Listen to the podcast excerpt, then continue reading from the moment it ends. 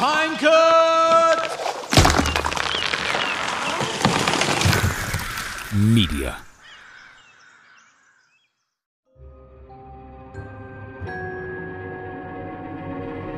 Witajcie. Jestem pewien, że nieraz słyszeliście historie o dziwnych stworzeniach takich jak Chupacabra, Yeti czy potwór z Loch Ness. Czy jednak wiedzieliście, że być może gdzieś na pograniczu Kanady i Stanów Zjednoczonych żyje Manegishi?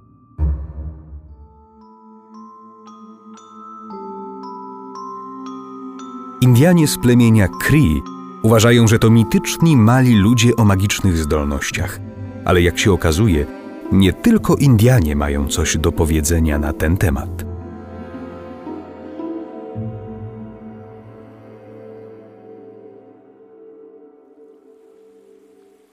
Ci, którzy twierdzą, że je spotkali, mówią, że Mannegishi nie mają nosów i są zupełnie nagie.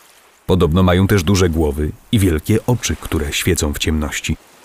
Są biało-szarej barwy, a ich nieproporcjonalnie długie i cienkie kończyny zakończone są dwunastoma palcami. Widziałem to przy brzegu, wspomina jeden z rybaków, który natknął się na Manegishi. Miało może niewiele ponad metr i wpatrywało się we mnie wielkimi ślepiami. I rzeczywiście, zgodnie z wierzeniami Kree, stworzenia widywane były zazwyczaj nad brzegami rzek czy jezior. Ponoć miały się czaić na rybaków i przewracać ich łodzie do góry nogami. Członkowie plemienia wspominali, że spotkania z Manegishi nie należą do przyjemnych. Jak twierdzą, to nie duchy, ale realne postacie. Ale tak jak wam wspomniałem, nie tylko Indianie wiedzą coś na temat Manegishi. Pewnego razu 1977 roku istota, która zdaniem świadków wyglądała dokładnie jak ta z indiańskich opowieści, pojawiła się w Dover, mieście położonym w USA w stanie Massachusetts. O dziwnym stworzeniu siedzącym na kamiennym płocie donieśli trzej nastolatkowie.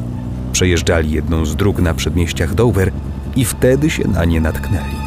Na początku byli przekonani, że to, co widzą, jest po prostu kotem, ale gdy podjechali bliżej, zorientowali się, że w świetle reflektorów się działo coś, co wyglądało jak człowiek, chociaż nie do końca.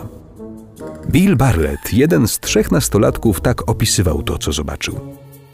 Siedział zgarbiony, a jego oczy błyszczały rażącą pomarańczową barwą. Nie miał rzęs. Wyglądało na to, że jest szorstki. Miał też długie, cienkie odnóża z czymś na kształt szponów na końcach. Barlett wspominał też, że postać szybko uciekała i chociaż za nią pobiegł, to nie udało mu się jej już zobaczyć. Postać, którą narysował później podczas przesłuchania, odpowiadała dokładnie tej, którą w swoich opowieściach wspomina plemię Cree. Od tego momentu Manegishi zaczęto nazywać demonem z Dover. Bill Barlett i jego dwaj koledzy, Mike Mazoka i Andy Brody, zarzekali się na wszystkie świętości, że to, co mówią, jest prawdą. Jednak na potwierdzenie ich słów nie trzeba było długo czekać. Wkrótce po tym, jak chłopcy opowiedzieli wszystko miejscowym reporterom, znalazł się kolejny świadek, który twierdził, że tego samego wieczoru widział demona z Dover. John Baxter zauważył go, gdy wracał od swojej dziewczyny. Piętnastolatek, idąc przy Miller's High Road, zwrócił uwagę na coś, co przypominało małe dziecko. Jednak gdy podszedł bliżej, okazało się, że to, na co patrzył, nie było człowiekiem. Miało dużą głowę i cienkie ręce i nogi, relacjonował. Wydawało mi się dziwne, że jest się w stanie utrzymać na tych patykowatych kończynach. Kontynuował. Przypominało małą małpkę, ale miało świecące pomarańczowe ślepia. Kiedy próbowałem podejść, odskoczyło i uciekło. Podobne zgłoszenie dotyczące demona z Dover pojawiło się raz jeszcze, dzień później. O pozbawionej owłosienia czołgającej się wzdłuż drogi Springdale Avenue postaci donieśli Abby Brabham i jej chłopak Will Taintor. Opis patykowatych kończyn i dużej głowy nie pozostawiał złudzeń. Było to jednak ostatnie zgłoszenie z tych, które pojawiły się pod koniec lat 70. Od tego czasu nikt już demona nie widział. Życie w mieście znowu toczyło się jak dawniej. Aż do momentu, kiedy w 2004 roku na humanoidalną postać natknął się kolejny z mieszkańców Dover. On też, tak jak jego poprzednicy, zauważył go jadąc autem. W pewnym momencie zauważyłem coś ciemnego i bardzo głośnego. Szybko przesuwało się od lasu w kierunku drogi. Kiedy na chwilę stanęło, mogłem się lepiej przyjrzeć. Miało sporych rozmiarów zaokrągloną głowę i naprawdę wielkie, okrągłe oczy. Było zupełnie nagie i przesuwało się na czworakach. Opowiadał kierowca. Najpierw myślałem, że to duży pies, a, ale jestem pewien, że to nie był pies. Później się zerwało i pognało z powrotem do lasu. W internecie można znaleźć jeszcze kilka historii opisanych przez ludzi, którzy w okolicach Dover widzieli dziwną, łysą, humanoidalną istotę. Czy jednak demon z Dover naprawdę istnieje? Czy jest opisywanym w legendach Indian Cree Manegishi?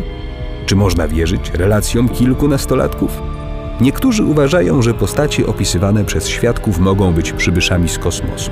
Ich też od zawsze przedstawia się jako istoty o dużych głowach, cienkich kończynach i dużych błyszczących oczach. A wy jak sądzicie? Czy demon z Dover istnieje? Dajcie znać w komentarzach, czy zdarzyło wam się kiedyś spotkać coś, czego istnienia nie dało się wyjaśnić. Zasubskrybujcie też nasz kanał, żeby nie przegapić kolejnych sekretów świata.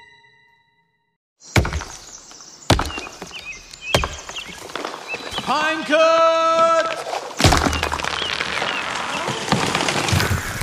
Media.